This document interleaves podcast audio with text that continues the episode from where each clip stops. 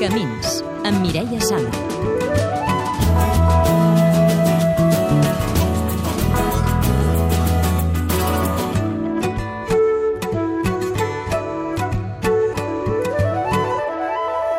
Hola, buenos días. Hola, buen día. Mariama, ¿qué tal? Bien. ¿Cómo va todo?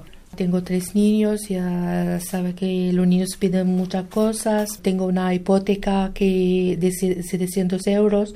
Mi marido está trabajando, pero no cobra como, como antes. Todo se va al banco para la hipoteca. Eh, ya necesito muchas cosas para los niños. Yo quiero si, si Caritas me puede ayudar en esto.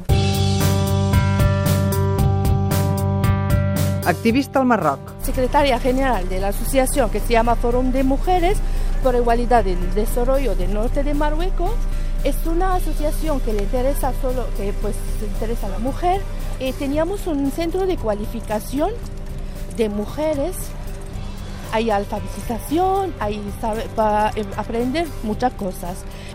También hacía como miembro de la Asociación de Marroquí de Derechos Humanos.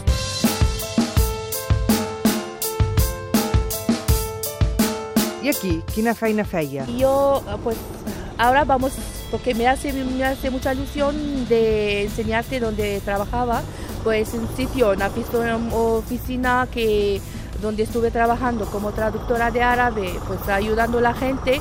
Este trabajo me ha gustado mucho. Hola. ¿Qué tal? Bien. Hola, Lia. Una, un minuto. Sí, Com sí. estàs? Bien. Hi haurà nous plans d'ocupació uh, per aquest any, uh, per, per començar el maig. Y pediran mediadora marroquí, uh, de urdu también y de chino.